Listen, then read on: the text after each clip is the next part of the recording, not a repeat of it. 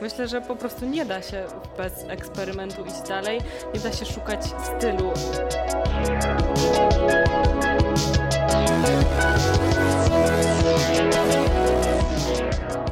Witaj u Janoszuk.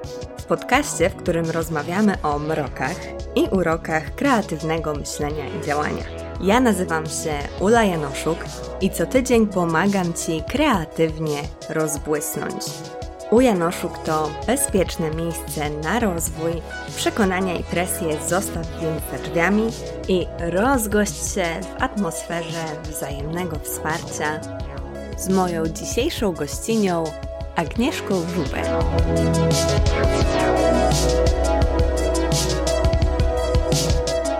Dziś mój podcast odwiedziła Agnieszka Żuber, znana w internecie także jako Lekka. Witaj Agnieszka w mojej kuchni, bardzo miło mi Cię widzieć. Cześć, bardzo miło mi się z Tobą spotkać. Bardzo się cieszę, że przyjąłeś moje zaproszenie i dla wszystkich osób, które nie wiedzą, przypomnę, jak wygląda formuła podcastu, podcastów z serii Od Kuchni, czyli dwie części. W pierwszej części odpowiadasz mi na pytania, które zadaję wszystkim e, gościniom tego, tej serii, a w drugiej rozmawiamy na temat zaproponowany przez Ciebie, na temat, który jest ważny dla mojej rozmówczyni. W Twoim przypadku jest to eksperyment i bardzo się cieszę, że wybrałaś właśnie ten temat, dlatego że jest to tak bliski samego sedna kreatywności temat i tak ważny, a jednocześnie przeze mnie dogłębnie nieporuszany, że z radością porozmawiam właśnie z Tobą, bo z wielką fascynacją obserwowałam Twoje eksperymenty związane właśnie z wytwarzaniem porcelanowych obrazów, ale zanim to, to pierwsza część, czyli pierwsze pytanie, kim jesteś? Jestem ceramiczką i historyczką sztuki. I dopiero niedawno zaczęłam tak pełniej mówić o tym, że właśnie mam taką dwoistość w tej swojej kreatywności, e, bo ceramiką zajmuję się od e, kilku lat, ale wcześniej studiowałam też e, historię sztuki i to jest taka bardzo ważna dla mnie część, która też na pewno wpływa na tą moją kreatywność związaną z ceramiką. Mhm, jasne. Bardzo się cieszę właśnie, że mówisz o tych dwóch dwóch odnogach, bo to jest też coś, co wiem z Twoich mediów społecznościowych, ale też widzę w tym, w jaki sposób komunikujesz swoje treści, bo oprócz ceramiki, która mnie do Ciebie przyciągnęła, to ta historia sztuki jest takim wątkiem, który z coraz większą e, intensywnością i częstotliwością pojawia się w Twoich mediach społecznościowych i z którego z wielką radością e, korzystam i go obserwuję. No, bardzo się cieszę w takim razie, bo kiedy e, zaczynałam e, swoje, swojego Instagrama i wspominałam, zaczynałam w ogóle wspominać o, o historii sztuki, tam o historii ceramiki, to e, bałam się, że w ogóle nikogo to nie będzie interesowało, a okazało się, że kiedy się o tym opowiada e, w odpowiedni sposób, tak e, jak jakby ludzie chcieliby tego słuchać, czyli opowiada się też o ludziach, opowiada się historię tych przedmiotów, no to rzeczywiście tych ludzi to fascynuje. Chyba tak jak wszystko, o czym opowiada się dobrze i, i z pasją po prostu. To prawda, to prawda, ale właśnie ta ceramika myślę, że nie ma takiego e, miejsca gdzieś w naszej głowie, gdzieś w naszej wiedzy, bo ja na przykład nie uczyłam się na, na temat ceramiki, tak jak też bardzo często właśnie na tematy związane ze sztuką użytkową w szkole i jest to dla mnie coś zdecydowanie nowego. Pamiętam jak e, właśnie na swoich stories opowiadałaś o tym słynnym e, kolorze Wedgwood Blue, on się nazywa? Tak, tak. No właśnie, a ja jako wielka fanka koloru niebieskiego, co myślę, że wszystkie osoby, które obserwują mnie na Instagramie wiedzą. E, z radością dowiedziałam się, że jest takie konkretne pochodzenie tego konkretnego odcienia, więc myślę, że to jest naprawdę fascynujące i bardzo się cieszę, że to robisz, bo no właśnie jest to jakaś taka, jakaś brakująca e, część w tej naszej sferze wiedzy o sztuce, która bardzo często jest poruszana właśnie e, w tych sferach gdzieś wyższych, w, tych, w tej sferze sztuki przez wielkie esz, w tych właśnie obrazach, w w, rzeźbach, mm, czy nawet w architekturze, ale rzeczywiście mm, ta historia ceramiki, historia sztuki użytkowej jest gdzieś e, zdecydowanie w cieniu. Tak, też tak uważam. A jednak to była ta sztuka, którą, e, która ludzi otaczała, którą jakby ludzie dotykali jej, e, fascynowali się nią, jakby po prostu żyli wśród tej sztuki, tak jak my żyjemy wśród, nie wiem, wśród Ikei i, i to jest mhm. charakterystyczne mm -hmm. dla nas i, i po prostu też jakoś opowiada o nas, o naszej epoce, no to tak o nich opowiada też to, co było wtedy wokół nich. I, i to jest tak bliskie tym ludziom. I to, że ktoś dotykał tej filiżanki, dla mnie jest no super, super ciekawe. I kto to był, i co myślał, i, i co robił w ciągu swojego dnia. Tak, zdecydowanie. Ja, ja też to uwielbiam, właśnie tą bliskość sztuki użytkowej, tego, no właśnie, operowania tymi przedmiotami, bycia wśród nich. To jest y, też dla mnie ostatnio bardzo y, ważny temat ze względu na doktoratowe badania. Właśnie przedmioty, ludzie y, nimi się posługujący, procesy z nimi związane, więc no serdecznie też oczywiście polecam Twoje konto wszystkim osobom nas słuchającym, które chciałyby się dowiedzieć czegoś więcej o ceramice i jej historii. Przechodząc do kolejnego pytania, powiedz, e, od kiedy działasz kreatywnie i kiedy zdałaś sobie z tego sprawę? Myślałam o tym pytaniu wcześniej i myślę, że działam kreatywnie od zawsze. No, jako dziecko po prostu dużo bardzo rysowałam. Potem jeszcze w podstawówce dużo rysowałam. A potem przyszedł taki moment, kiedy przestałam. E, miałam taką koleżankę, która jakoś tak zawsze rysowała e, lepiej trochę ode mnie i jakoś mm -hmm. tak mnie to zgasiło. Ale jeszcze wtedy chodziłam na takie kursy, e, gdzie się tam rysowało martwą naturę, ołówkiem. No jakoś mi to tam wychodziło gorzej, gorzej lepiej, ale potem jakoś tak zamarło. Jak już poszłam do gimnazjum, potem do liceum, i właściwie takie rzeczy przestałam wtedy robić. Dużo się, jakby bardzo dużo się uczyłam. E, mm-hmm. Uczyłam się też e, w gimnazjum języków, w liceum uczyłam się mnóstwo ścisłych rzeczy i, i jakoś to też bardzo to lubiłam tak naprawdę. Ale poszłam mm-hmm. po liceum, chciałam iść na architekturę bo to mi się wydawało dobrym połączeniem kreatywności i ścisłych rzeczy.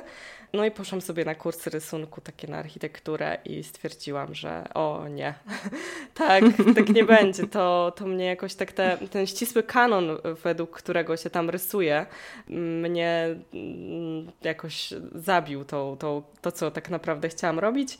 Mm, I zdecydowałam już na ostatnim roku, mm, w ostatnim roku liceum, że pójdę na historię sztuki e, i poszłam na historię sztuki i filologię włoską i tak naprawdę no, to był świetny wybór. Ja te studia bardzo lubiłam, a w międzyczasie poszłam sobie na ceramikę, tak do Domu Kultury. E, mhm. I okazało się, że, że to tworzenie mm, rzeźby, bo tam tworzyliśmy głównie rzeźby, nie na przykład talerze, e, jakoś dobrze działa mi na mózg. Ja jakoś lepiej myślę, myślę od razu w 3D niż e, w, jakby w w spłaszczeniu tego. Łatwiej mi było dużo na przykład na wyrzeźbić kota, niż narysować kota w jakimś skrócie perspektywicznym i okazało się, mm -hmm. że to jest dla mnie super naturalne, a czego wcześniej w ogóle nie podejrzewałam, bo nigdy w życiu nie nikt nie powiedział, że, że tak można i w ogóle. Mm -hmm. No więc ta ceramika mnie bardzo otworzyła. Jeszcze ceramika ma też kolor, w odróżnieniu od takiej rzeźby w kamieniu na przykład zwykle. E, także co dawało mnóstwo różnych możliwości. E, no i tak przez ten Dom Kultury później zaczęłam coraz więcej się o tym uczyć na historii sztuki, bo doszłam do wniosku, że nic o tym nie mówią i, i sama zaczęłam mm -hmm. po mhm. prostu, oczywiście książki na ten temat są, tylko to w ogóle m, mm, wtedy nie był temat na historii sztuki. Mówiliśmy o rzeźbie, architekturze i malarstwie, czyli takiej głównie wysokiej sztuce. E, mm -hmm. No teraz to się zmienia, z tego co wiem i, i coraz więcej mówi się o tej sztuce użytkowej. E, no i tak powoli ta, ta moja kreatywna część jakby dochodziła coraz bardziej do głosu, aż ta ceramika stała się jakby, jakby moim głównym zajęciem i skończyło się to właśnie odejściem e, z muzeum, w którym pracowałam. -hmm.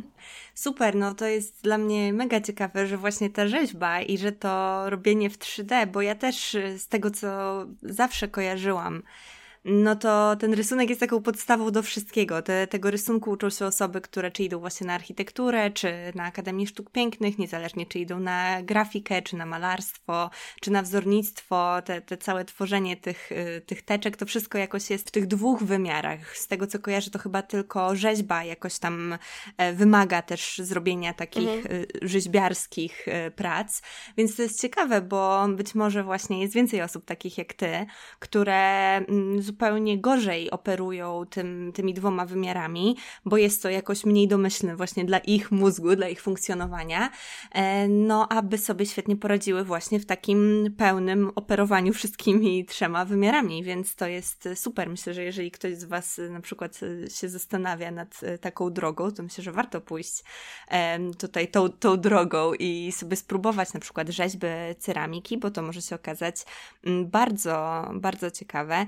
No i, i fajnie, że od, tej, od tych takich granic, które wyznacza architektura, która jest takim bardzo, wydaje mi się, w domyśle e, kierunkiem, w którym się prowadzi osoby, które gdzieś tą kreatywność wykazują, między innymi architektura, zresztą w ogóle architektura w porównaniu do Akademii Sztuk Pięknych i wszystkich kierunków przez nią oferowanych jest to tyle ciekawa, że no właśnie wydaje się być dosyć praktyczna, że jak jest to spektrum zawodów w ogóle wszystkich kreatywnych, no to bliscy, którzy szukają stabilności dla kreatywnych istnień, no to raczej kierują w stronę architektury, no bo właśnie to jest gdzieś tam osadzone w tych mm, ścisłych ramach, jest bardzo użyteczne, praktyczne, a okazuje się, że właśnie nie u wszystkich też tę e, kreatywność e, pobudza i ją e, wyzwala, bo te granice jednak i te struktury są zbyt ciasne. Tak, też, też mi się tak e, wydaje. Zresztą potem chyba też rzeczywistość zawodowa architektów trochę weryfikuje często e, tę ich kreatywność. O czym w ogóle wcześniej nie myślałam. Jakby człowiek w liceum, mam wrażenie, jest jeszcze super nieświadomy tego, jak potem będzie to, to wyglądało. Nawet jak poszłam na historię sztuki, to jakby też nie zastanawiałam się za specjalnie, jakim historykiem sztuki ja potem będę, co ja będę potem mm -hmm. robić. To jakoś w ogóle w trakcie przyszło. Ale... Oczywiście. I, I to jest też o tyle ciekawe, że no właśnie, że patrzymy, będąc w jeszcze w, naszym, w naszych przypadkach, myślę, że y, obu, e, będąc w gimnazjum najpierw, później będąc w liceum, e, no to się patrzy ten krok w przód tylko, nie? Czyli kolejny, kolejny etap, czyli właśnie liceum, studia, e, a niekoniecznie też y, widzimy i też niekoniecznie nam się pokazuje to, jak później to, to życie będzie wyglądało, co później właśnie sprawia, że często wiele osób, wiele spośród moich bliskich, moich znajomych, znajomych, podczas studiów zmieniło kierunki, zmieniło swoje ścieżki życiowe, właśnie orientując się, jak wygląda życie po tym wybranym przez siebie kierunku, nawet jeżeli on był tym kierunkiem. Czy pamiętasz taki moment, kiedy zdałaś sobie sprawę, że po prostu jesteś kreatywna? Czy to było tak, że to słowo jakoś, to sformułowanie funkcjonowało w Twojej tożsamości właśnie od dziecka? Czy był jakiś taki konkretny moment, kiedy zdałaś sobie sprawę, kurczę, no to jest to jest moja domena, to jest moja cecha, z której mogę korzystać. Wiesz, wydaje mi się, że żeby powiedzieć sobie to słowo w głowie, to zajęło mi dosyć długo, bo ja tak naprawdę mm, chyba byłam też tak zajęta. Ja jestem takim człowiekiem, który jak już studiuje czy coś robi, e, to robi to na 100%. I ja byłam bardzo zajęta tym uczeniem się w gimnazjum, mm -hmm. liceum, na studiach i dopiero tak naprawdę jak poszłam mm, do pracy, to zaczęłam też tak e, grzebać trochę w sobie, zaczęłam robić różne takie, mm, na przykład galupa sobie zrobiłam i zaczęłam tak mhm. w ogóle e, namysł nad tym się zaczął i, i ja wtedy doszłam do wniosku, że, że tak, to, że jestem kreatywna, to jest to, to mnie opisuje i rzeczywiście mnie to y, odróżnia od y, y, jakby, że, że to rzeczywiście we mnie widać, że ja od zawsze robiłam te przebierane imprezy i dekorowałam sobie cały dom. I, i że, że to zawsze ze mną było i, i że to jest dla mnie super ważne i że bez tego ja po prostu usycham i że nawet jeżeli robiłam takie rzeczy, no, które też w pewnym sensie są kreatywne, nie wiem, studiowanie, uczenie się, potem jakby pisanie prac też jest no, bardzo kreatywne, e, ale że, że taka, taka wizualna kreatywność była dla mnie zawsze bardzo ważna i że ona daje mi tyle mhm. radości, że właściwie e, chodźmy w tę stronę po prostu. I zaczęłam sobie wtedy, pracując na etacie, tak nieśmiało mm, próbować myśleć, jakby to było, gdybym robiła tylko rzeczy z ceramiki. I wtedy narodziła się ta biżuteria, bo pomyślałam, że zrobię sobie taki kreatywny projekt. Zrobię mhm. coś z ceramiki, mm, co będzie małe, bo y, miałam pracownię taką w szkole i też jakby w domu sobie to mogłam robić. I to będzie coś, co mogę dać swoim przyjaciółkom. I pomyślałam, że ja zrobię taki projekt, że zrobię serię biżuterii, która będzie odzwierciedlała charakter jakby każdej z nich, że to jakby mnie zamknie w takich ramach i jakoś tak mhm. popchnie dalej. To się nie udało, w sensie nie udało mi się odzwierciedlać charakteru każdej z nich, bo to zaczęło bardzo szybko przybierać formy, które odzwierciedlają bardziej mnie. Ale się mm. tym nie przejęłam i przyniosłam tą w ogóle biżuterię w pewnym momencie do pracy i ona została wykupiona, bo ktoś mnie zapytał, czy ja chcę to sprzedać. Ja mówię, że no tak. Mm -hmm. I, I to dało mi do myślenia w ogóle, że, że ja mogę i że w ogóle fajna ta biżuteria. Ja od zawsze jakieś tam sobie biżuteryjne rzeczy robiłam, bo to wiadomo, jest takie malutkie. Myślę, że każdy jakby taki człowiek, który, dziewczyna często, która robi kreatywne rzeczy, biżuteria w pewnym momencie tam jest. E, mm -hmm. no, i, no i zaczęłam sobie w tym, w tym dłubać i no i, i poszło w tą stronę, bo pomyślałam, że to będzie e, fajna ceramiczna rzecz, bo e, ma ramy, musi się wygodnie nosić, a ramy mi bardzo pomagają. E, ale też e, no, daje dużo wolności, bo kubek musi być kubkiem, a kolczyk może być czymkolwiek pod warunkiem, że da się go wygodnie nosić. Mm-hmm. No i tak już popłynęłam. Teraz zaczynam jakby tworzyć więcej różnych rzeczy z tej jakby z porcelany, które nie tylko są już użytkowe, ale no to, to chyba, chyba odpowiedziałam na Twoje pytanie i jeszcze popłynęłam dużo, dużo I dalej. Bardzo dobrze. Ja ba bardzo lubię, kiedy tak się właśnie wydarza, kiedy ta historia się sama e, rozwija w odpowiedzi na moje pytania.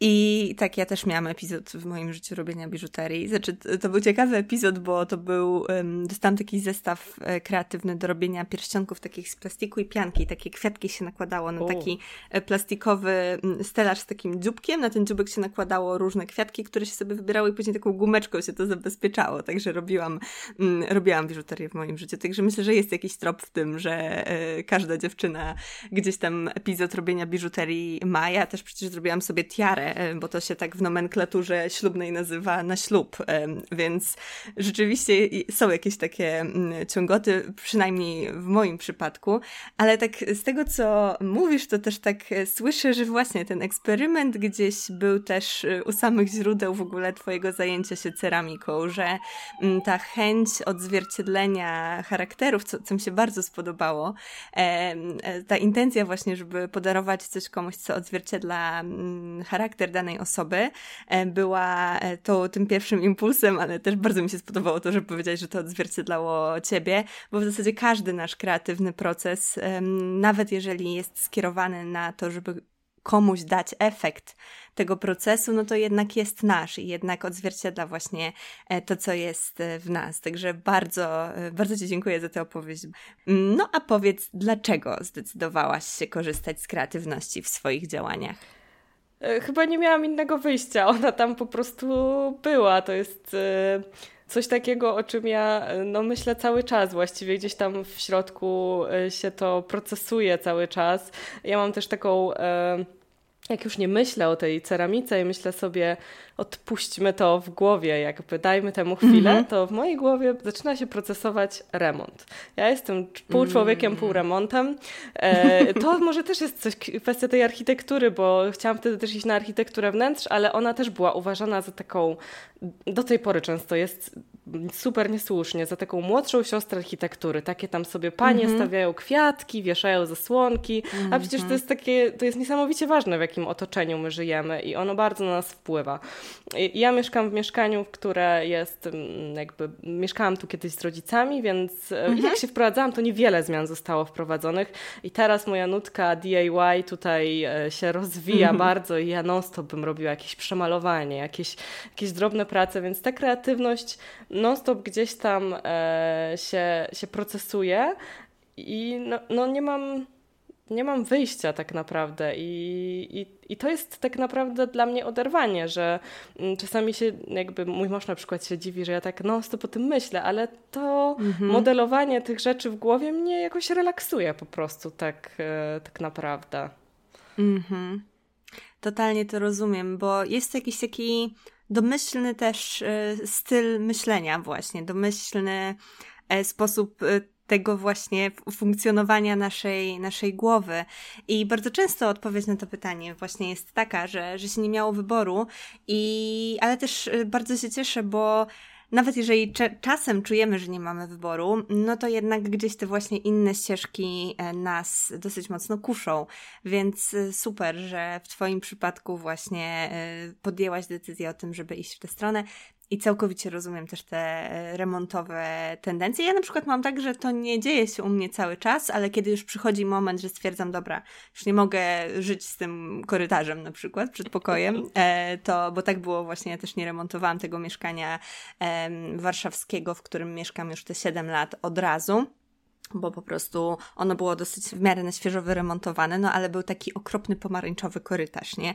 Kor korytarz przed pokój. Ja nie wiem, co się, co się działo, że ten kolor pomarańczowy był tak popularny w pewnym okresie, ale on był tak bardzo przytłaczający, że w momencie, kiedy zmieniłam go e, na taką e, szarą zieleń jasno, to po prostu od razu e, mieszkanie się zmieniło, więc też się zgodzę z tym, że bardzo wpływa na nas e, nasze otoczenie i, i to też jest super, żeby używać kreatywności właśnie do tego, żeby, żeby je sobie umilać. Tak, tak, zdecydowanie. I, i tak.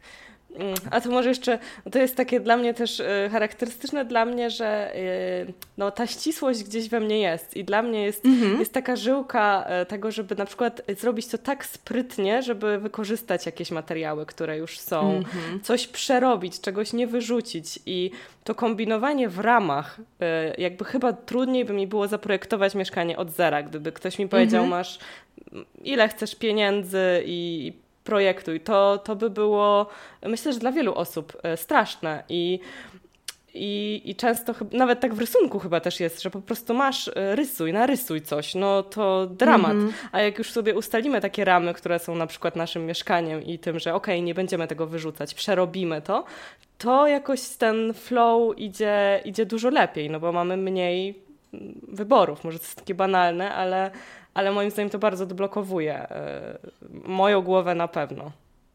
Tak, zgadzam się z Tobą całkowicie. I to też ta Twoja opowieść pokazuje, że no właśnie, że ta kreatywność, która często jest, y, myślę, że znacznie częściej związana z y, e, artystycznymi rzeczami, z humanistycznymi też y, często, ona jest bardzo silnie obecna też w jakichś um, ścisłych dziedzinach i w jakichś ścisłych formach działania i że tutaj naprawdę nie ma czegoś takiego jak um, nie, niekreatywne, niekreatywna matematyka, bo nawet w matematyce da się zrobić coś e, inaczej. E, o tym mówiła w odcinku od kuchni Jarzynowa na przykład, że rzeczywiście jest tak, że ta kreatywność y, może w zasadzie rozkwitnąć w każdym miejscu i w każdym środowisku, a te ramy myślę, że wielu osobom y, pomagają i one też w zasadzie sprawiają, że taką dużą satysfakcję czerpiemy z tego, że znajdziemy jakieś rozwiązanie, wykorzystując, tak jak mówisz, na przykład materiały, które już posiadamy do tego, żeby wyremontować nasze mieszkanie. To jest bardzo satysfakcjonujące. Tak, tak, dokładnie. I myślę, że w ogóle ten podział na humanistów i ścisłowców, który w którymś momencie się w naszej kulturze pojawił i ja szczerze mówiąc nie prześledziłam kiedy, ale myślę, że kiedyś on nie był tak wyraźny i, i że on jest bardzo krzywdzący tak naprawdę, że, że ci ludzie w liceum się tak dzielą i, i a ja zawsze byłam zbyt y, humanistyczna na ścisłowca i zbyt ścisła na humanistę i byłam w biochemię, a jed, byłam jedyną osobą w całej mojej szkole, która pisała historię sztuki i i mm -hmm. kurczę, no istnieją tacy ludzie i, i może po prostu, no, no i może wszyscy trochę tacy jesteśmy na jakimś spektrum tego tak naprawdę. Także Oczywiście. uważam, że to jest takie, no bardzo, bardzo krzywdzące, że nie wiem, czy ci humaniści to oni się nie nauczą matmy, więc dajmy im takiego nauczyciela, co to, no, no nie jest, nie jest tak i to jest takie wpychanie w takie, w takie ramy.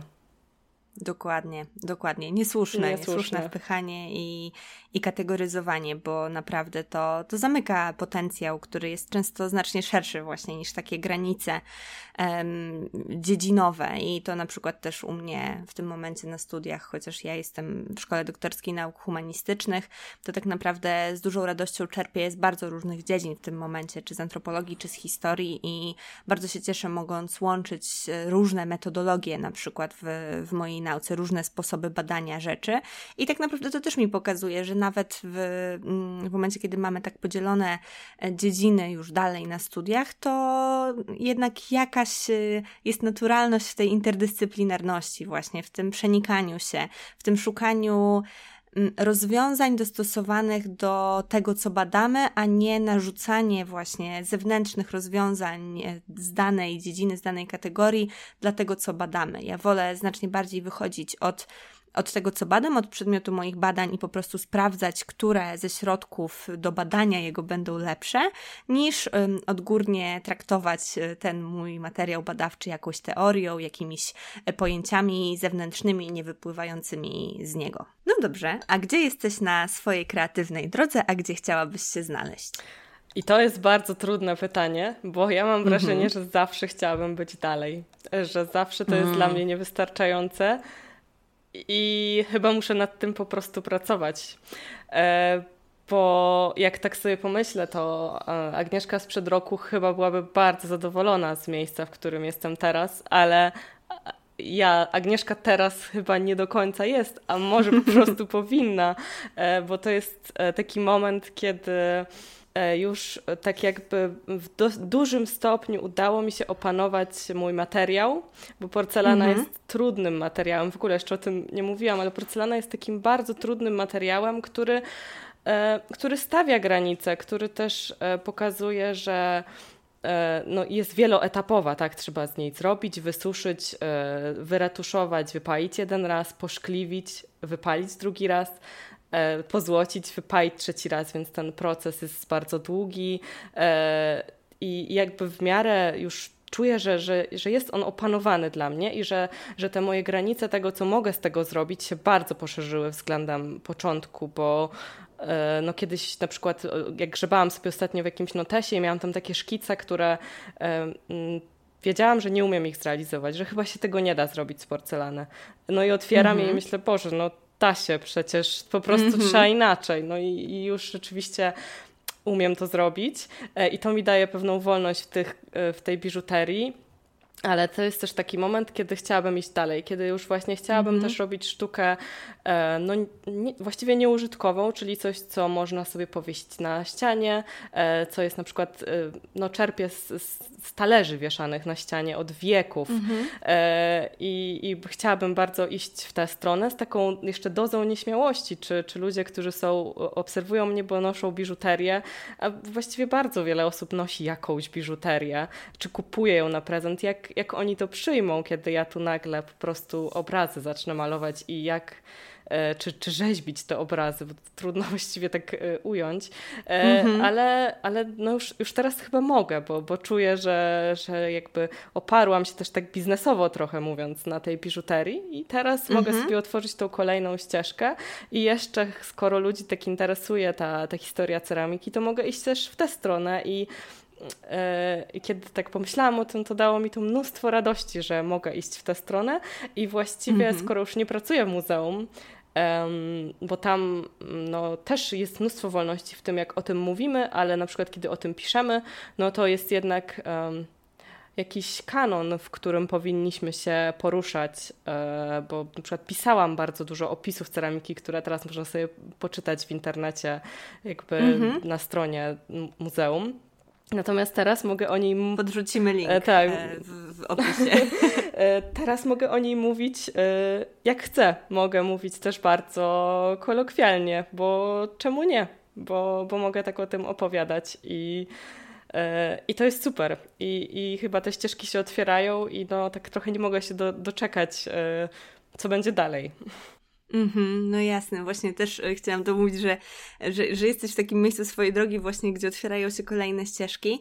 I to jest super i to jest zawsze bardzo ekscytujące, kiedy robimy e, jedną rzecz, kiedy się w niej wprawiamy, kiedy zaczynamy właśnie tak jak ty opanowywać ten materiał, tą porcelanę e, z coraz większą wprawnością, z coraz większą wiedzą, z coraz większą swobodą, mm, no to właśnie otwierają się kolejne rzeczy, otwierają się kolejne możliwości i i myślę, że zadowolenie z tego miejsca, w którym się jest, wcale nie, e, nie musi sprawiać, że nie będzie w nas ekscytacji na to, co, co będzie, ale ja całkowicie rozumiem też e, to, to, że zawsze chciałabyś być dalej, bo ja też mam w sobie taką, już, już nauczyłam się temperować, ale mam w sobie taką ambicję właśnie, która sprawia, że nie zawsze doceniam to, w którym miejscu jestem. I musiałam bardzo długo uczyć się tego, żeby docenić to, że ten etap mojej historii wygląda tak, a nie inaczej i że to jest y, fajne, że to jest spoko, że to w zasadzie nawet y, momentami jest bardzo piękne,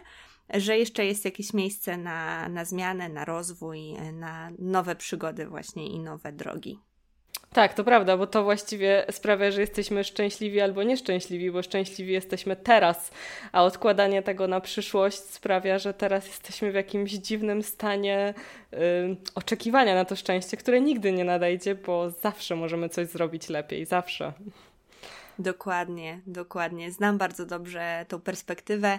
No ale właśnie, da się też nauczyć y, sobie z nią radzić, chociaż oczywiście, że zawsze, e, zawsze jest we mnie ten, ten cichy głosik, który mówi, że o, a co to, co, jak fajnie będzie, jak będzie więcej, lepiej, dalej, nie? Ale, ale nauczyłam się już też y, go opanowywać i cieszyć się właśnie tym etapem e, historii, na którym jestem teraz, z wszystkimi jego radościami i ułomnościami też.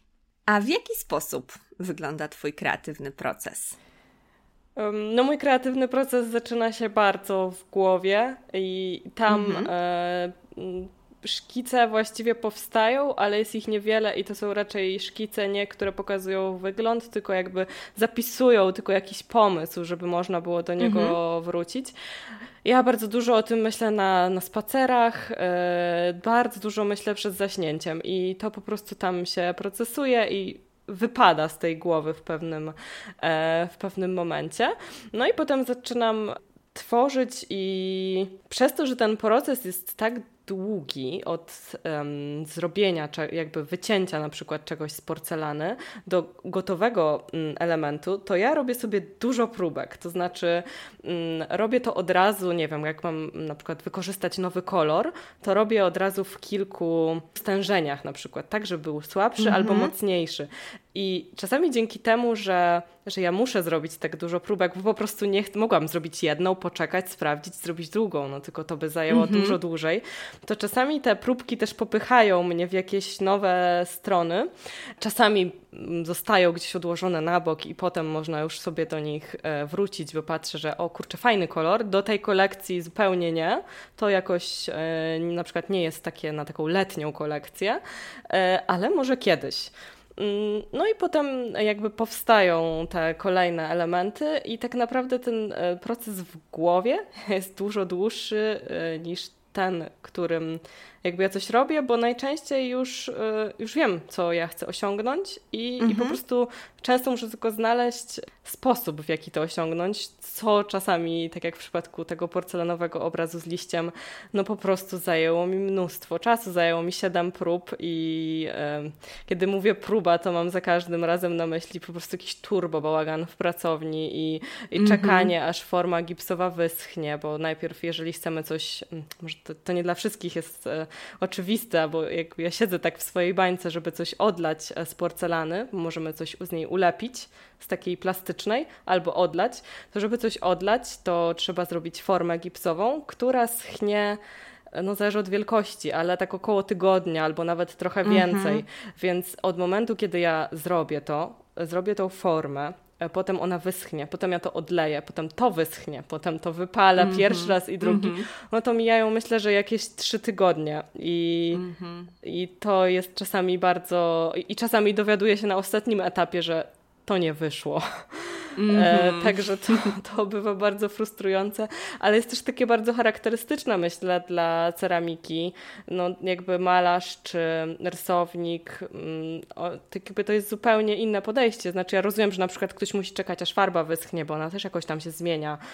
Mm, no, ale tutaj to jest charakterystyka tego procesu i myślę, że akceptowanie tego i, i czerpanie z materiału, z tego, co on nam daje i co on do nas mówi i że ta porcelana rzeczywiście od, od wieków jest właśnie tak wykorzystywana w ten, w ten sposób, no to też może nas jakoś prowadzić w tym procesie, bo z kolei ja, e, tak jak trochę jak grafika, jakby ja mogę zrobić formę i później to w jakiś sposób e, jednak powielać, tak? E, mhm. No także ta, ta, tak wygląda mój kreatywny proces, jest długi. Właśnie chciałam to mówić, że brzmi jak długi, ale też właśnie wieloetapowy, bo e, w takim malarstwie na przykład olejnym, jak wspomniałaś, gdzie się nakłada te warstwy farby, no to jednak już coś widać, jednak widać właśnie też mm, strony, w które można iść i jest pewna ciągłość też e, dokładania tej farby mm, bardziej niż właśnie to, że masz takie podzielenie na konkretne etapy. Nie to, żebym była ceramiczką, ale wnioskuję z tego, co, z tego, co opowiadasz, że rzeczywiście są etapy i one mają swój początek i koniec i tak naprawdę do końca nie wiadomo, w którą stronę to może pójść i czy wszystko pójdzie ok. Ale tak wydaje mi się, że to trochę od ciebie wymaga odwagi i właśnie podejmowania większej ilości prób, tak jak mówiłaś, e, z tymi kolorami na przykład. Zgodzisz się, że tak jest? Tak, i też, e, też wymaga takiej zgody na porażkę, w sensie, że to nie mhm. jest porażka, to, to są próbki. Ludzie tak działali od wieków, bo tego koloru w ogóle nie widać e, na początku. Znaczy, no naprawdę on daje nikłą wskazówkę, jaki, jaki może być e, pod, e, pod koniec. I, I potem, ale też wymaga Właśnie chyba poszłam też w stronę ceramiki, bo jest w pewnym sensie ścisła, bo wyjmuję -hmm. tą próbkę i, i, to mnie jakoś tak bardzo e, tak ekscytowało, że wyjmuję tą mhm. próbkę i patrzę, okej, okay, to nie jest ten niebieski, którego szukam, spróbujmy zamiast 5% dodać, nie wiem, 3% czegoś. E, mhm. I, I to jest takie kalibrowanie, ale to ma jeszcze więcej parametrów. Można zmienić też temperaturę w piecu o kilka stopni, bo może wtedy wyjdzie trochę inny kolor. E, mhm. I ta ścisłość, której ona wymaga, jest e, właśnie z taką ramą, którą ona sama w sobie daje. Wydaje mi się, że, że, że to też mi pomaga, bo są rzeczy, których z ceramiki zrobić się nie da. Można łamać te granice do pewnego y, punktu, ale no niektórych nie da się albo będą po prostu bardzo nietrwałe. No tak, no, tak jak mówisz, ciągle te ramy gdzieś tutaj się pojawiają właśnie, że są pewne ograniczenia i do pewnego miejsca można z nimi eksperymentować, ale no też się nie zrobi rzeczy po prostu fizycznie niemożliwych z tym materiałem, z którym pracujesz. I powiedziałeś, że właśnie ten materiał e, do ciebie przemawia. Powiedz, co powiedziała ci porcelana? Czego się nauczyłaś od porcelany?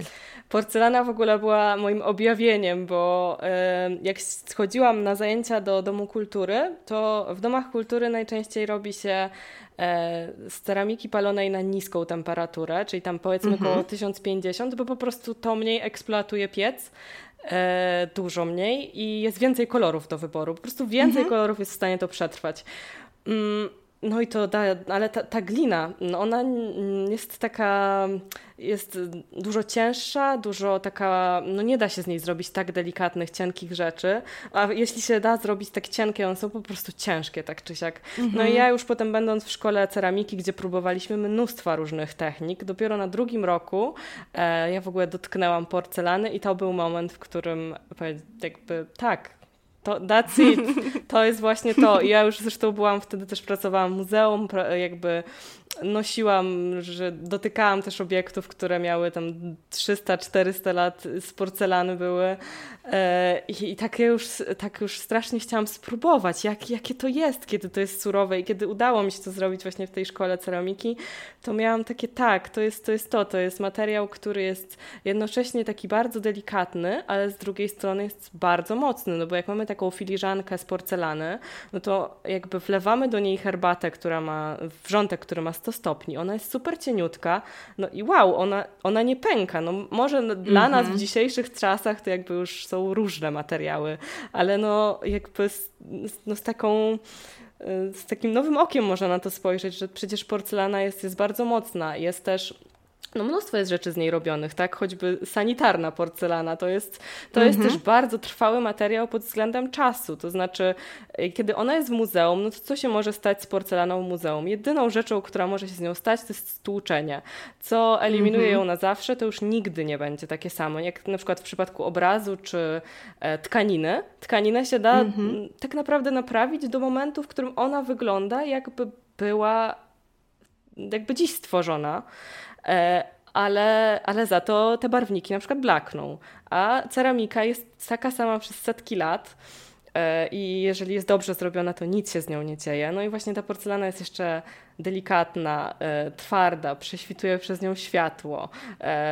Można, można ją barwić na różne kolory. Ma taką cudowną fakturę. Jest, no albo może być poszkliwiona i taka śliska, albo może być właśnie taka matowa, satynowa. Także mm -hmm. Tak, to jest to. Jest to. To jest właśnie porcelana, super, e, fascynująca jest to opowieść. No to powiedz, e, co w tym Twoim całym kreatywnym procesie, jakie środki, idee, narzędzia pomagają Ci realizować Twoje kreatywne cele?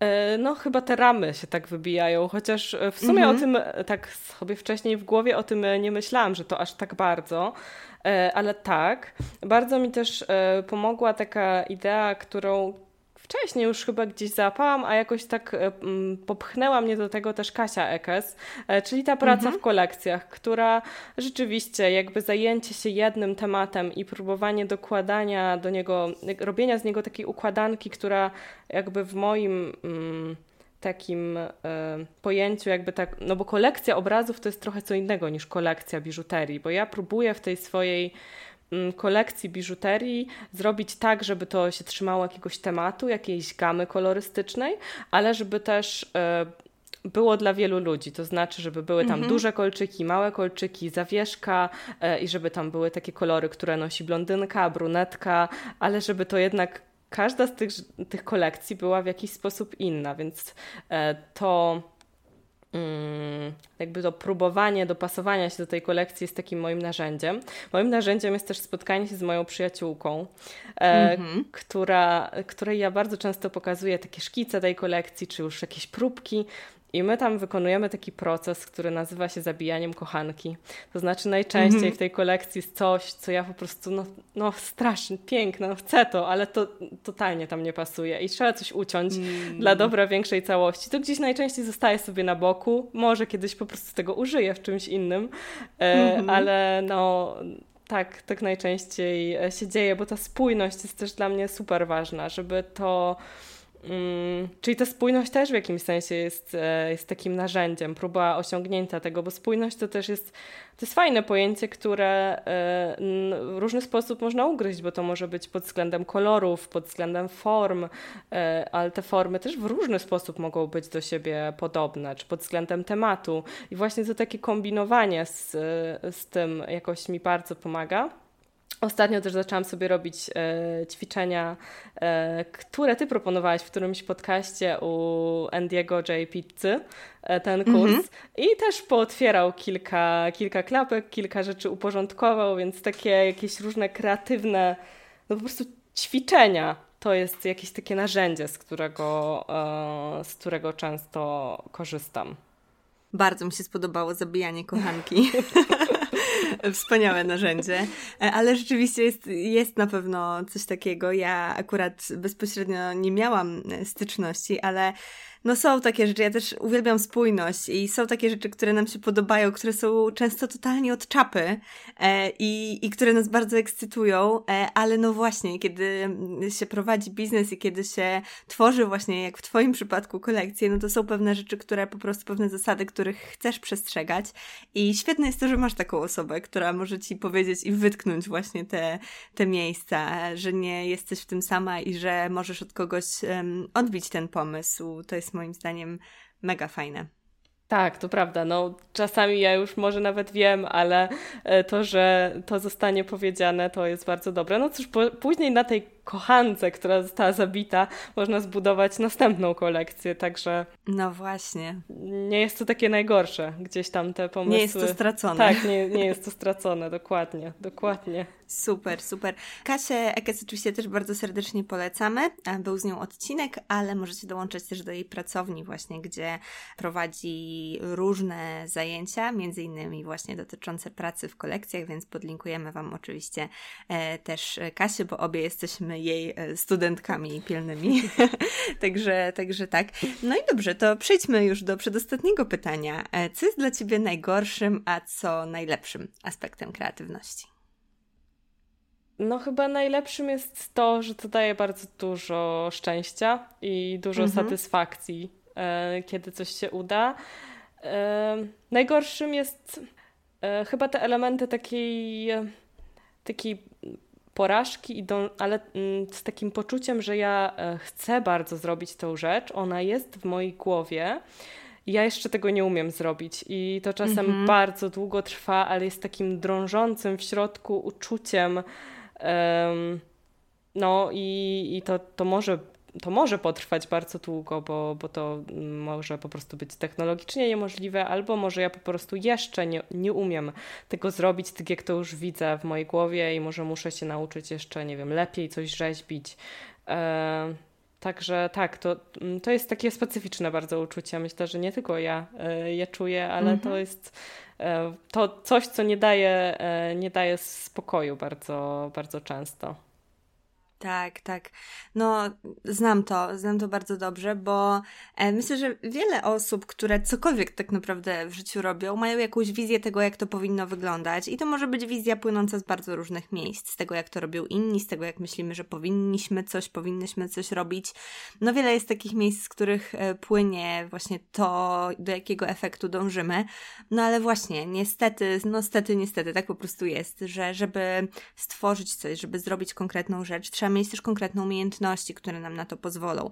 I to jest rzeczywiście taki bardzo frustrujący moment, kiedy tak samo jest w pisaniu, tak samo jest w moim przypadku, kiedy wiesz, że chcesz coś oddać jak najlepiej, jak najbardziej takimi trafnymi słowami w przypadku pisania, a jednocześnie masz poczucie, że gdzieś to, e, to pisanie, gdzieś ten tekst się po prostu mija z tym, co dokładnie chcesz powiedzieć, czy właśnie w przypadku ceramiki, co dokładnie chcesz e, stworzyć, że to nie do końca wygląda tak, jakbyśmy chciały. I to jest mega frustrujące, no ale mimo wszystko jednak nieodłączne dla kreatywnego procesu, więc no jest to coś, z czym trudno się pogodzić, ale jeżeli pozwolimy, żeby nas zablokowało to, że w tym momencie nie jesteśmy w stanie danej rzeczy wykonać tak, jak sobie to wymarzymy, no to możemy sobie zablokować możliwość rozwoju, jeżeli tego w ogóle nie będziemy robić, bo tak jak mówiłaś wcześniej, pewne rzeczy uznałaś na pewnym etapie swojej ceramicznej przygody za niemożliwe za niemożliwe do wykonania właśnie z porcelany przez ciebie w taki sposób, a jednocześnie teraz, kiedy wracasz do tych pomysłów, to okazuje się, że jednak da się to zrobić i ty jesteś w stanie to zrobić, więc jest to trudne e, zdać sobie sprawę z tego, że nie mamy wystarczających umiejętności, żeby zrobić to, na czym nam zależy, ale jednocześnie to wcale nie oznacza, że nigdy nie będziemy mieć tych umiejętności. Jeżeli sobie pozwolimy na ten rozwój, to jest bardzo duża szansa, że w końcu będziemy w stanie właśnie tak precyzyjnie i celnie zrobić to, o co nam chodzi. Tak, tak, właśnie dobrze to ujęłaś, że tak precyzyjnie i celnie to jest to, co widzę w mojej głowie, ale trzeba się też, mm, zwłaszcza w takim przypadku, kiedy też już zarabiamy na tych rzeczach, trzeba się mm -hmm. nauczyć tej trudnej sztuki tego, żeby na pewnym etapie pewne rzeczy wypuszczać i, tak. a, i takiego wyczucia, które wypuszczam, bo uważam, że niektóre uważam, że są już tak dobre, że mm, jakby to jest to. Niektóre mhm. uważam, że może dałoby się to w jakimś świecie jeszcze lepiej zrobić, ale to już jest chyba ten etap, kiedy powinnam to wypuścić. No a są też takie, które właśnie trafiają do notatnika czy do mm, pudełka z próbkami i tam sobie czekają na to, że może kiedyś e, i tego, i tego nie wypuszczam. I, e, I to jest też czasami trudne e, dojść do tego które... Trudne i to jest ważna umiejętność też, której myślę, że się uczymy, e, rozróżniać i tak, żeby nie, by, nie, nie kierować się na przykład, e, no właśnie, za mocno tym poczuciem, że jest to e, niedoskonałe albo nie ulegać za mocno ocenom, które gdzieś tam kiedyś ktoś nam powiedział, że, że trzeba się nauczyć dosyć, dosyć tak szczerze oceniać swoje mm, prace i to, czy one rzeczywiście się już nadają, no bo wiadomo, że jest taka, jest ta perspektywa, że kurczę, jeżeli to nie jest idealne, to czemu miałabym to, e, to sprzedawać, ale też to, że coś nie jest dla nas idealne, to nie znaczy, że dla kogoś nie jest idealne, nie? I to, że my mamy jakieś oczekiwania wobec y, nas samych, że my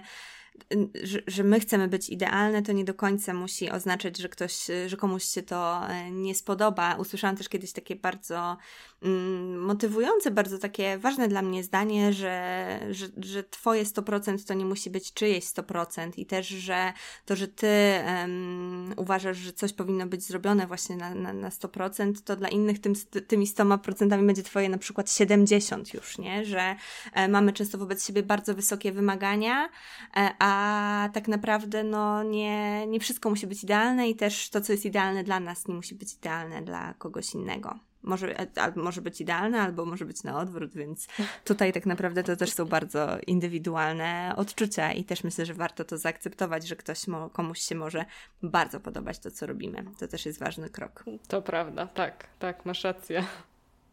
No, no i ostatnie pytanie, zdanie do dokończenia, to od kuchni jestem i określenie, jaka jesteś od kuchni od kuchni jestem, um, myślę, że jestem pełna poczucia humoru, że to poczucie mm -hmm. humoru w mojej, w tym co robię i w ogóle w moim życiu jest jakąś taką e, wartością, która jest dla mnie niezwykle ważna i nie wiem, czy to widać w tym, co ja robię. E, w opowieściach myślę, że tak. E, kiedyś zadałam też pytanie, bo mnie to ciekawiło, e, moim odbiorcom, jakimi przymiotnikami opisaliby to, mhm. co robię. I to było dla mnie super ciekawe, bo w ogóle dużo osób e, odpisało, pojawiały się i była jakaś zbieżność w tych odpowiedziach. E, mhm. Była tam delikatność, ale była też taka lekkość. I to taka lekkość, potem rozmawiałam o tym z dziewczynami na warsztatach strategicznych i, i powiedziały, że właśnie, że to jest takie poczucie humoru, które jest takie lekkie, że to no, dla mnie to jest właśnie takie stworzenie kolczyków w kształcie wodorostów czy meduzy, mm -hmm. które mi się wydawały po prostu słodkim, śmiesznym takim trochę pomysłem, ale miałam na początku ogromne wątpliwości, czy ktoś chce nosić meduzę albo wodorosta. Okazało się, mm -hmm. że mhm. tak, że to były w tej kolekcji Marea e, takie no, największe jej hity, a były tam też muszle. No, muszla jest takim bezpiecznym, powiedziałabym, projektem, takim uświęconym w tradycji biszuterii. Mm -hmm. e, mhm. i, I właśnie ja ta, ta, to poczucie humoru, czy taki koncept, którego ja bardzo często szukam w sztuce. Mi się podoba właśnie sztuka konceptualna, e, czy taka sztuka, w której ktoś zawarł jakiś taki, jakiś taki żart, jakiś taki, no coś, dzięki czemu po prostu się uśmiechasz. To nie jest e, śmieszne tak bardzo, to, to jest dla mnie ogromnie ważne i, i szukanie tego jest e, super ciekawe. No i w moim życiu takim prywatnym, no po prostu poczucie humoru jest też e, e, no, bardzo, bardzo ważne. Super, no to jest y, to jest mega, mega dla mnie ciekawe, że właśnie to poczucie humoru, ale właśnie w tej lekkości, trochę w takim mrugnięciu okiem, właśnie jak w przypadku e, kolczyków medus, nie? Że są to takie rzeczy, które, no właśnie, no kiedy pewnie gdybyś powiedziała komuś, y, no dobra, tworzę kolczyki w kształcie medus, no to ktoś mógłby się złapać za głowę, jeżeli by nie wiedział, jak to wygląda, ale w momencie, kiedy to jest właśnie oprawione w to wszystko, co ty tworzysz, w twoje wartości, w twoje poczucie estetyki, kiedy to jest właśnie mm, no takie jednocześnie proste, a jednocześnie e, nawiązujące tym kształtem i no, no że to naprawdę może być fascynujące e, i, i zupełnie nie jest takie dziwne, jak mogłoby się wydawać. E, ja mam kolczyki wodorosty, więc jestem jedną z tych osób, które doceniają takie poczucie humoru i w ogóle doceniają poczucie humoru. No ale właśnie ta ta lekkość w poczuciu e, humoru, ta lekkość w tym samym koncepcie, który tworzymy, właśnie to, to ten, ten humor w tym wszystkim, E, to jest coś, e, to jest coś super. No ale też taki bezpośredni humor, jak na przykład randka w ciemno z kandydatkami, którą ostatnio zrobiłaś na historię, które będziesz opowiadać. Także poczucie humoru na e, wielu warstwach, więc ja myślę, że to jest dostrzegalne. No dobrze, bardzo się cieszę. Właśnie tak zaczęłam się nad tym, jak o tym mówiłaś, to zaczęłam się nad tym też zastanawiać właśnie, jak jak można by jak pokazać, w jakiej sztuce to poczucie humoru się odnajduje. Ja kiedyś wyodrębniłam sobie, ze znajomymi rozmawialiśmy, jakie są nasze ulubione filmy takie głęboko w sercu. I wyszło mi, że one mhm. wszystkie mają ze sobą coś wspólnego, bo to jest Grand Budapest Hotel, to jest Amelia i to jest Asterix i Obelix, Misja Kleopatra. I to są mhm. filmy, które w sumie są z innych światów, ale z drugiej strony są super spójne, tam jest super taki stworzony świat i one są, tak. mają bardzo określone poczucie humoru. Też takie wizualne tak. poczucie humoru po prostu. Mm-hmm. E, Zdecydowanie. I, I to jakoś dało mi w ogóle do myślenia, że to jest chyba to, czego ja szukam po prostu. Piękne, wizualne poczucie humoru. Nigdy o tym w ten sposób nie myślałam, a teraz na pewno będę dzięki Tobie, także dzięki za ten koncept bardzo. Czy ta rozmowa nie jest fascynująca? Zanim przejdziemy do jej drugiej części, mam dla Ciebie słówko od sponsora, czyli ode mnie.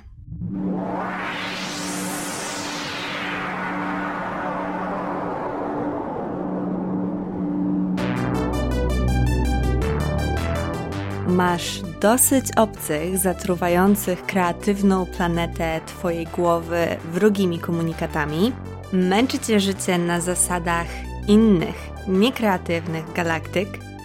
Myślisz, że Twoja planeta jest tak jałowa, że nie wyrośnie już na niej nic kreatywnego? Mam dla Ciebie pełne błysku i w pełni darmowe rozwiązanie. Kreatywne warsztaty audio które w czterech prostych krokach pomogą Ci wyzwolić w sobie kreatywność i zacząć tworzyć własne dzieło, projekt, a nawet cywilizację.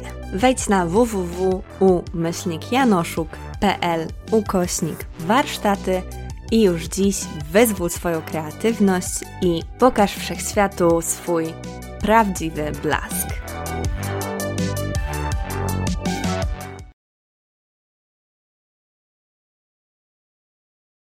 No to co, no to pora na eksperyment, przechodząc do drugiej części podcastu.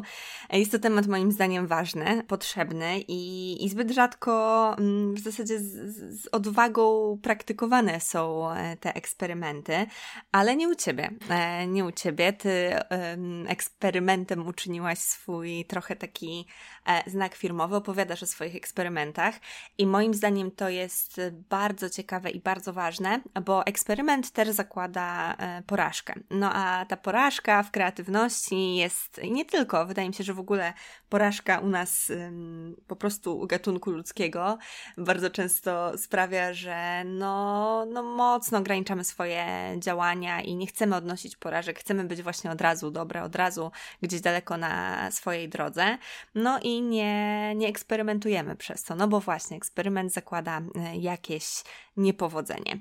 I na początek tej drugiej części chciałabym poprosić Cię o to, zapytać, czy mogłabyś opowiedzieć nam właśnie o swoich porcelanowych obrazach. Trochę poruszałaś ten temat w pierwszej części, ale to taki przykład, który wydaje mi się, że warto opisać e, szerzej. Skąd pomysł właśnie na porcelanowe obrazy i jak przebiegała realizacja tego pomysłu, dojście do tego ostatecznego efektu. No to tak, porcelanowe obrazy wzięły się w mojej głowie z e, takiej chęci stworzenia czegoś, co moglibyśmy mieć w swoich domach jako po prostu um, sztukę i też um, z takiej chęci um, tworzenia czegoś, co nie jest użytkowe, bo to daje jeszcze więcej możliwości. E, no i w sumie dla mnie ten, e, one są okrągłe i myślę, że jeszcze długo będą okrągłe, bo już wymyśliłam mhm. wiele kolejnych projektów. E, I to, że są okrągłe, bierze się właśnie z tej tradycji talerzy, które już od, no, w renesansie były wystawiane w kredensach i w ogóle takie dekoracyjne talerze, to mnie w ogóle bardzo fascynuje, że na nich są niemalże obrazy namalowane, mhm. ale jednak ludzie zostawali przy formie talerza, jakby nie, no, no, jest to w jakimś sensie talerz i to mnie bardzo ciekawi, że, e, mhm. e, że dalej nie udajemy, że to jest talerz. Później jakby kolejne wieki i tak dalej. No i później właściwie takie talerze, które myślę, że dużo ludzi ma w domu, jakiś taki Włocławek czy, e, czy coś takiego i najczęściej po, od, odwracamy talerz, a tam są takie dziurki, że można też na ścianie sobie e, powiesić. Mhm. I ja pomyślałam, że fajnie by było wpisać się w tą tradycję takimi minimalistycznymi e, talerzami. E, mhm. No i zaczęłam sobie wymyślać. Pierwszy, jakby miałam wiele pomysłów, ale pomyślałam, że ja to tak sparuję ze swoją kolekcją, którą teraz miałam wypuścić, czyli z Giardino. No i zaczęłam e, eksperymenty związane właśnie z, z takim reliefem, który pokazywałby liść. No i te eksperymenty, no to, to była fala różnych pomysłów, jak to zrobić, bo po pierwsze ten mm -hmm. liść nie miał być negatywem, tylko pozytywem, czyli to jest coś, co bardzo wielu osobom musiałam kilka razy tłumaczyć. Chodzi o to, że mm -hmm. jeżeli weźmiemy sobie liść i rozwałkujemy go na ceramice, co w sumie dużo osób robi, bo to jest takie mm, bardzo dekoracyjne, no to wychodzi nam ten liść, ale to jest e, negatyw tego liścia. Natomiast mhm. ja chciałam, żeby to był pozytyw, bo mm, chciałam, żeby był wypukły i żeby światło na tym, e, na tym liściu się, się pięknie układało. No i okazało się, że przeniesienie tego nie było takie proste i na dodatek jeszcze zamknięcie tego w kole. E, no mm. i to mm. były różne pomysły, co w czym odbijać, jak zalewać gipsem, jak wycinać to kółko z tego liścia, jak nie wycinać. Mm -hmm. Jeszcze, żeby to wyszła taka forma, która nie pęknie potem w piecu i nie przestanie być okrągła, bo dla mnie coś, co ja założyłam, że będzie okrągłe, a takie jest nieco krzywe, takie to to nie, chociaż to się często w ceramice zdarza, mhm. e, bo po prostu się deformuje w piecu, ale na szczęście ludzie tego nie widzą, nawet ja tego nie widzę. Jak mamy filiżankę w domu i spojrzymy na nią od góry, to okazuje się często, że ona nie jest okrągła. Ona jest zjajowiona, mhm. tylko nasze oko jakby, nasz mózg twierdzi, to jest okrągłe. Okej. Okay. Mhm. No i to było wiele prób właśnie zalewania tego gipsem, odbijania w glinie i, i później tworzenia tej, um, tej formy. Także jak się o tym opowiada, to wiecie, nic... Mm, to nie jest takie bardzo skomplikowane, tylko po prostu wymyślenie tego, jak to technicznie zrobić, żeby to się trzymało. No właśnie zajęło mi te, e, te 7 prób, ale już w sumie im dalej, tym już wiedziałam, że idę w jakąś stronę, i już miałam trochę takie, no dobra, trudno nie wyszło. No i, i myślę, że im więcej prób robimy i bardziej jesteśmy do tego przyzwyczajeni, tym bardziej mamy w sobie okej, okay, nie wyszło, trudno. Mhm, no jasne. A ile ci zajęło tak e, czasowo od pierwszej próby do tej już y, ostatecznej? No myślę, że forma no to tak z miesiąc, bo po, no ale potem mhm. jeszcze odlewy i, i wypalanie tych, e, tych odlewów. One już, już mam na tyle m, mm, takiej, nie wiem, intuicji ceramicznej, y, mhm. Już y, widzę, że z tej formy się uda y, mniej, mniej, więcej. W sensie, jak już wyschnie, to widzę, że już się to wypalić da.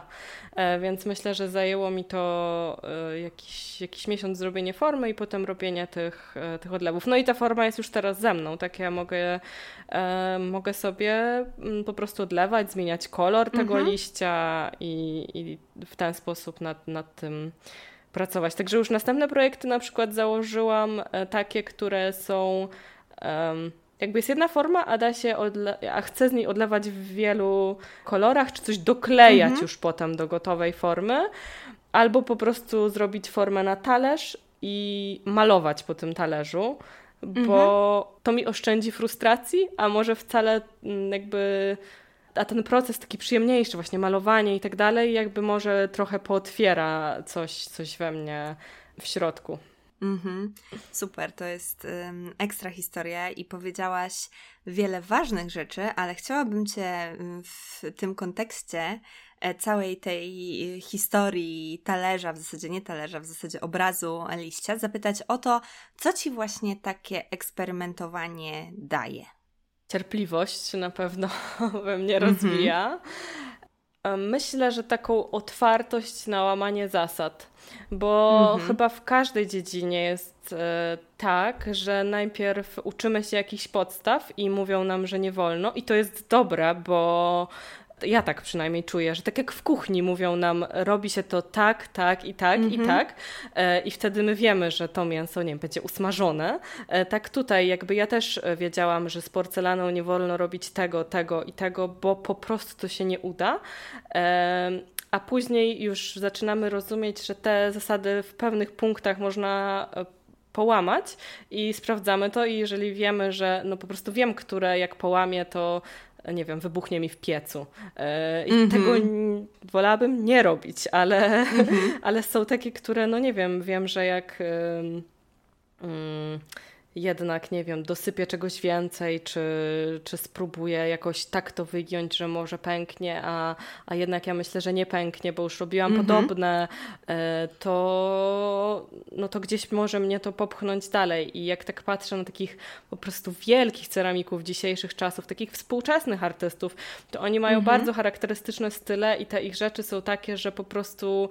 Um, nie wiem jak to pięknie nazwać, mind-blowing, takie, że po prostu nie mm -hmm. wiesz w ogóle jak zostało to zrobione, ale to się udało i to wynika właśnie z, z tego, że oni jakieś zasady łamali, jakoś szli bardzo mocno w jakimś jednym kierunku swojego eksperymentu, tak, tak na, to, na to patrzę. I tak brnęli w, cały czas w tą jakąś swoją stronę i po prostu poszerzali te, te swoje granice.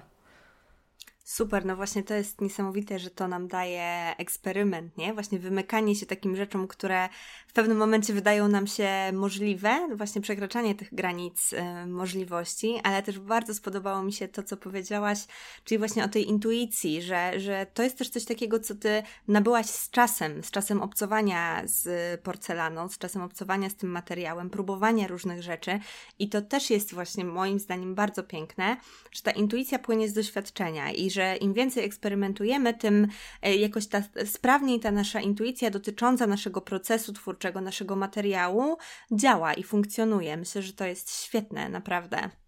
Tak, i w ogóle to jest coś, o czym się ciężko mówi i rzadko mówi. Ja to odkryłam. Mm, na warsztatach i też y, czasami mój mąż przychodził. Y, kiedyś przyszedł mi y, albo coś pomóc, albo sobie coś zrobić. Tak, że po prostu chciał doświadczyć mhm. tego.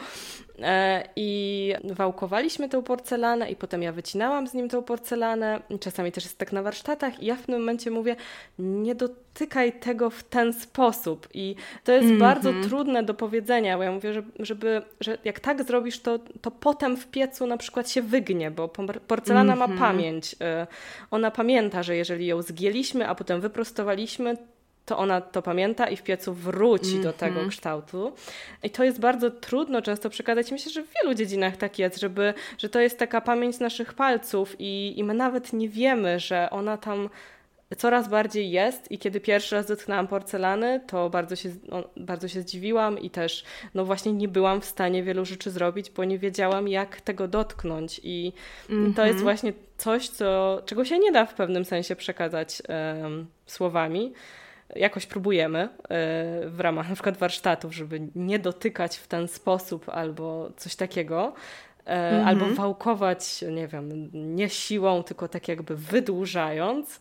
-hmm. No, ale to są właśnie takie, takie rzeczy, które nasze ciało po prostu pamięta i, mm, i ta haptyczność, no ciężko jest o niej mówić po prostu. Tak, to, to jest też taka wiedza właśnie wynikająca z praktyki i z własnego doświadczenia. Ta wiedza, tak jak mówisz, w ciele, którą w zasadzie tylko nie, nie jesteśmy w stanie jej objąć do końca głową, e, tylko jest właśnie w tych, w tych naszych gestach, w tych naszych sposobach robienia rzeczy. Mm, to też jest bardzo ciekawe. Rozmawiałam o tym niedawno na zajęciach. Dużo właśnie rozmawialiśmy o antropologii, też takiej właśnie zmysłowej. I to jest niesamowite, że są pewne rzeczy, pewne umiejętności, które mamy, które rodzą się właśnie z praktyki praktyki, a nie z objęcia czegoś umysłem. I na przykład takie właśnie nagrywanie podcastu. To nie jest tak, że ja, mając konkretną wiedzę, byłam w stanie od razu nagrywać podcast w takiej samej formie i w taki sam sposób. Dopiero po regularnej praktyce, regularnym nagrywaniu, dopiero po, po jakimś czasie, mimo tego, że miałam bardzo różne warsztaty z emisji głosu, brałam udział w kółkach teatralnych w moim życiu, mm, no naprawdę tego głosu używałam na bardzo różne sposoby i też z dużą świadomością. Śpiewałam też przez pewien czas w chórze w szkole muzycznej. To mimo tej wiedzy i mimo mimo tego, że tego głosu używałam w różnych innych okolicznościach, to tak naprawdę nauczenia, nauczenie się operowania głosem, operowania słowem, takiej wiedzy, e, jak przekazywać e, to, co chcę przekazać w takiej formie, w jakiej e, chcę przekazać właśnie w podcaście, to przyszło mi z praktyką. I to jest niesamowite, bo bardzo rzadko się o tym mówi. Wiedza to nie jest tylko to, co jesteśmy w stanie objąć umysłem, to jest też to, czego doświadczamy i piękne to jest. Ja nie wiedziałam tego o porcelanie, że ona tak pamięta, a to jest, to jest fantastyczne, że to też uwidacznia bardzo te nasze gesty i uwidacznia to, co się dzieje po drodze, czyli uwidacznia właśnie ten proces e, i że ten efekt jest tak bardzo zależny od tego procesu. Wydaje mi się to naprawdę fascynujące. Nie tylko porcelana pamięta glina, glina pamięta i glina to jest taki materiał, ceramika bardzo bliski człowiekowi od, od wieków tak naprawdę. Jemy na niej, obcujemy z nią i, i jest w niej, zwłaszcza też w takiej toczonej e, na kole, bo ona szczególnie wtedy tam się wykorzystuje jej pamięć, bo najpierw się ją wyrabia, a później właśnie te, te cząsteczki się układają tak, że to pozwala toczyć z niej na kole i no, je, jest w niej coś, coś no, bliskiego ludziom, myślę. Ciężko to ująć mm -hmm, słowami mm -hmm. tak naprawdę. Dziwnie to brzmi, ale, ale tak jest. Tak, ale można to, po, można to poczuć. I, I można też to na pewno poczuć na warsztatach też, które ty prowadzisz z stworzenia biżuterii. E, prawda? E, tak, mówię? tak, e... prowadzę takie, takie warsztaty, jak najbardziej. No właśnie.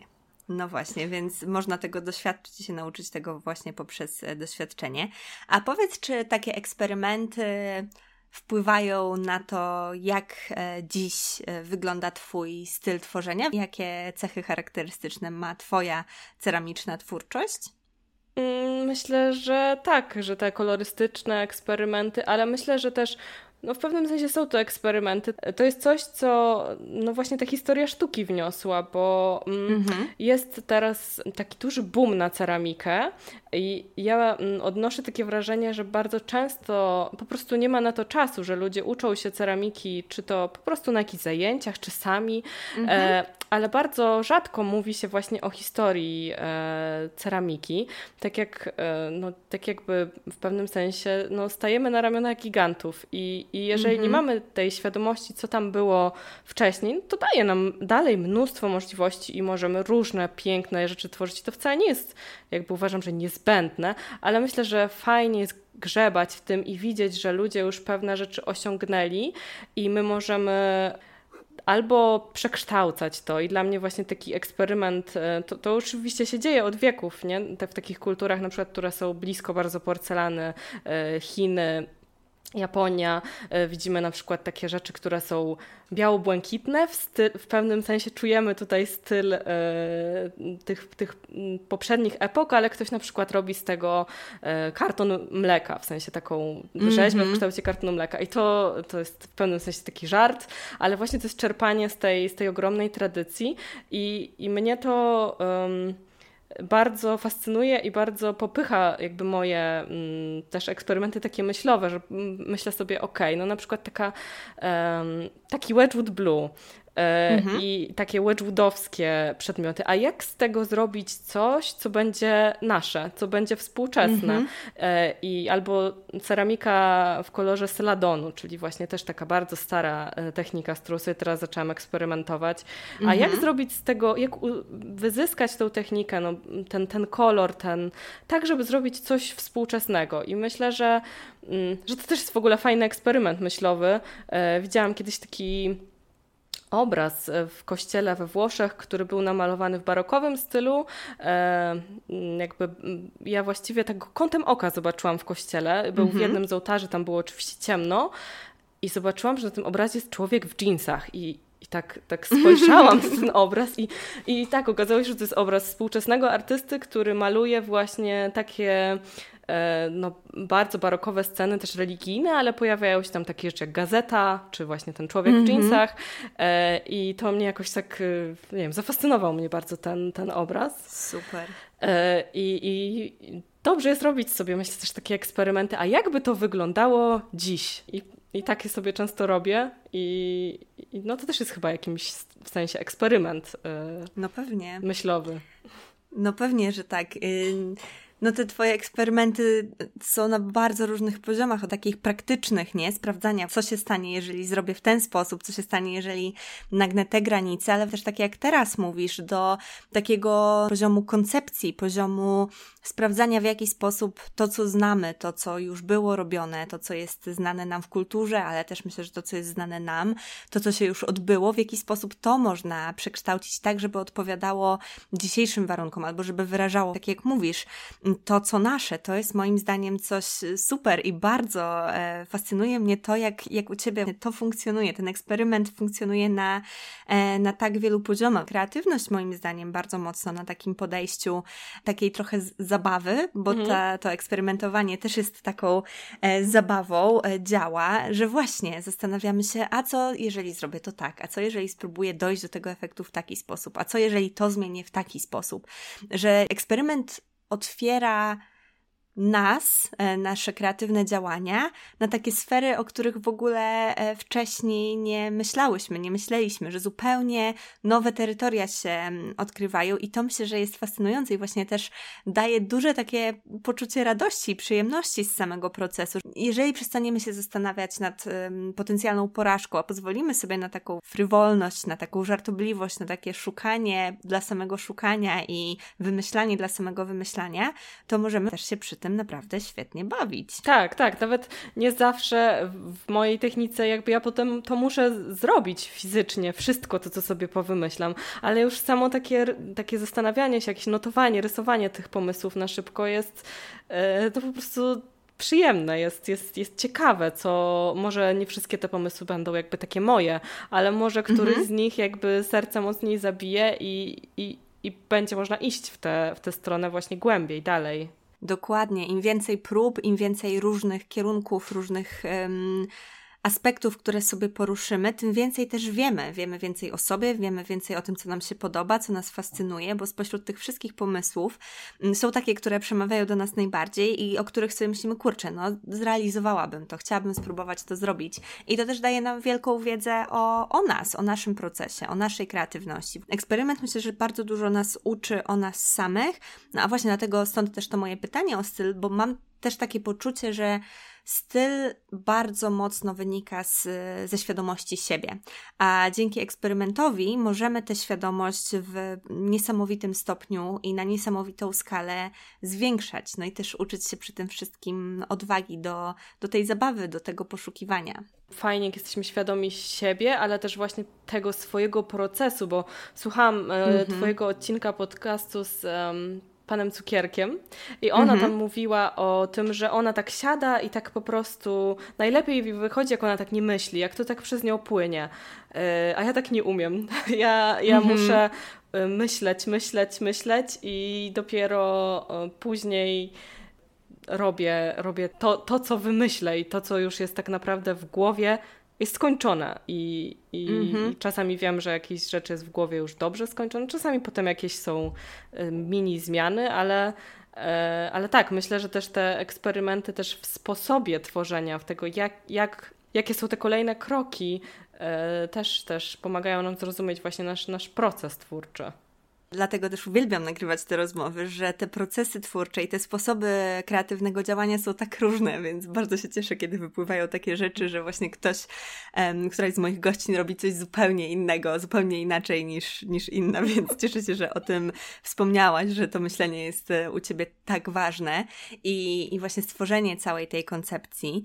Jeżeli chodzi też o eksperymentowanie, to dla mnie takim bardzo ważnym tematem e, było i takim tematem, który też poruszyłam bardzo blisko początku nagrywania mojego podcastu, to też było właśnie robienie z siebie trochę takiego eksperymentu, że są rzeczy, których mm, nie mamy, które chcemy zdobyć, które chcemy osiągnąć, rzeczy, osoby, jakimi chcemy się stać. I ja tak miałam na przykład z odwagą, że mi bardzo odwagi brakowało. Jest właśnie odcinek na temat e, odwagi i bycia swoim własnym eksperymentem. Jeden właśnie z początkowych odcinków, pewnie, nie wiem, z pierwszej dziesiątki, dwudziestki.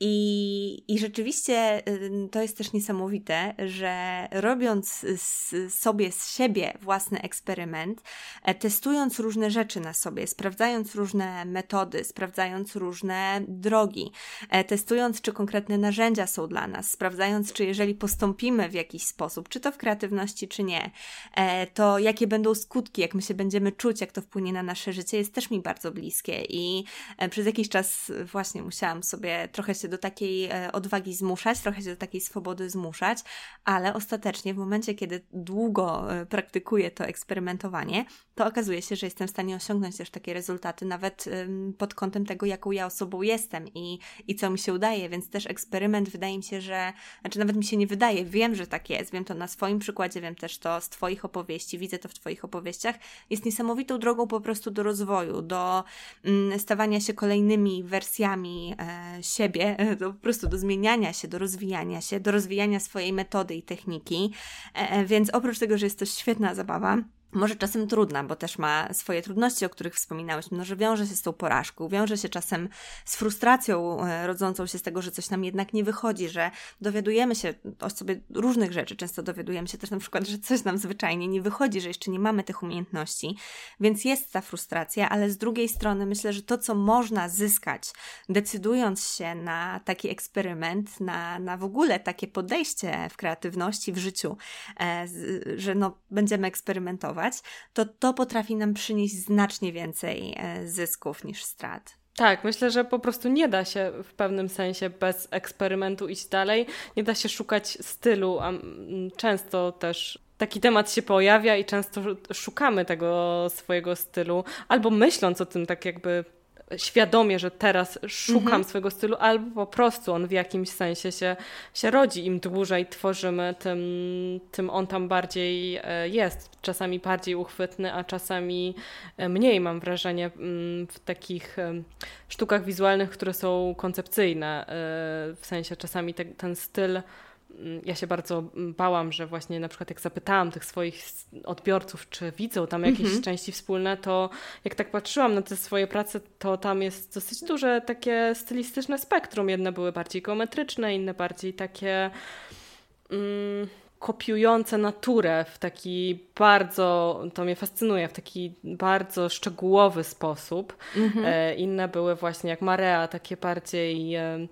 Płynne, też, też geometryczne, a, ale oni tam zobaczyli może to, czego ja nie widziałam, właśnie na przykład tą delikatność, tą lekkość i ten minimalizm. I, i to chyba się po prostu przez to eksperymentowanie i kolejne ćwiczenia w każdej z tych rzeczy w jakiś sposób objawiło, chociaż ja w pewnym sensie sobie tego nie uświadomiałam, że one są podobne do siebie w ten sposób. Mhm.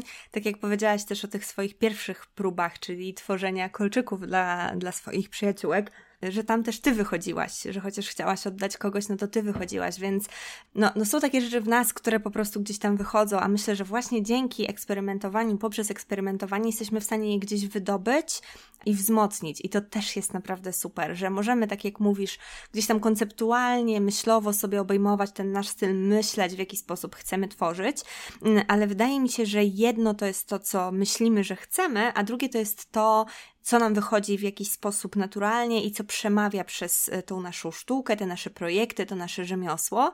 I, i to jest super. I myślę, że eksperymenty tylko e, wzmacniają w nas e, też te cechy, które, które dotyczą właśnie naszego stylu tworzenia czy działania.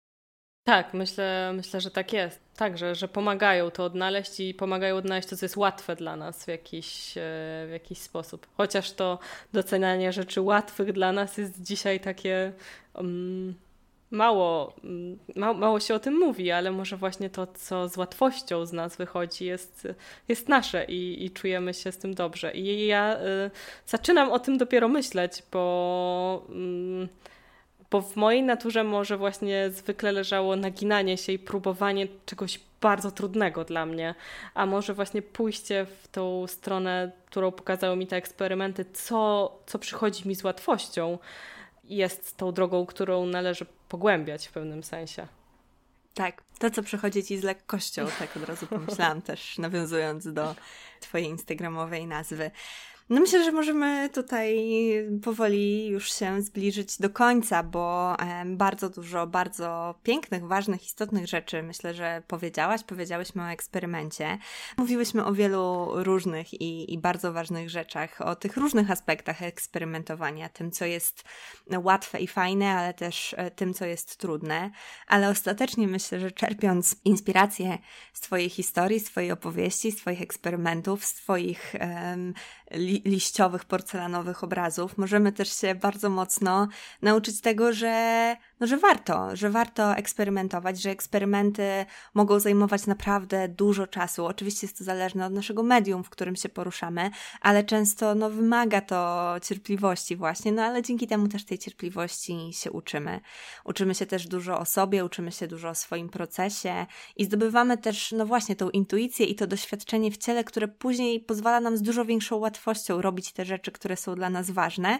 No i często też właśnie osiągać e, te rzeczy, które z początku początku wydawały nam się niemożliwe, właśnie dzięki temu, że e, zdecydowałyśmy się na ten eksperyment i na tą odwagę wynikającą z tego, że podejmujemy próby i, i godzimy się na to, że coś e, może nie wyjść. Więc myślę, że jeżeli ten odcinek Was e, nie zachęci do eksperymentu, to nie wiem, co Was mogłoby bardziej zachęcić. Ja bardzo Ci dziękuję za te wszystkie Twoje wspaniałe opowieści i odpowiedzi na pytania i oczywiście chciałabym Cię jeszcze zapytać na koniec, gdzie nasze słuchaczki, nasi e, słuchacze mogą Cię znaleźć? E, mogą mnie znaleźć e, na Instagramie tak lekka. Mam też swoją stronę internetową taklekka.pl, na której jest sklep, ale już niedługo będą się tam też myślę pojawiać wpisy blogowe związane właśnie z historią ceramiki. Zamierzam iść bardziej w tą stronę, nie tylko pokazywać to na Instagramie, ale też w taki sposób, który będzie trwalszy w mhm. internecie. Mm, no i właściwie to są na razie moje dwa miejsca w sieci, które za to bardzo prężnie e, rozwijam. No jasne, jeżeli pojawią się jakieś kolejne, to na pewno też wspomnisz o tym na Instagramie, także serdecznie zapraszamy oczywiście Was do obserwowania. Też, tak jak Wam wspominałam, stories na tematy właśnie porcelanowo-ceramiczno-historyczne też oczywiście tam znajdziecie, także myślę, że warto. Ja Ci jeszcze raz bardzo serdecznie dziękuję za tę arcyciekawą rozmowę. Też dziękuję, było mi super przyjemnie. I to tyle na dziś. Zanim opuścisz naszą kreatywną krainę, koniecznie daj znać, która z myśli była dla Ciebie najbardziej błyskotliwa. Podziel się nią na Instagramie i oznacz profil u podkreślnik Janoszuk lub napisz w komentarzu pod wpisem do odcinka na www.umyślnikjanoszuk.pl. Tam znajdziesz też wszystkie odnośniki i notatki do odcinka. Do usłyszenia, a tymczasem niech błysk będzie z Tobą.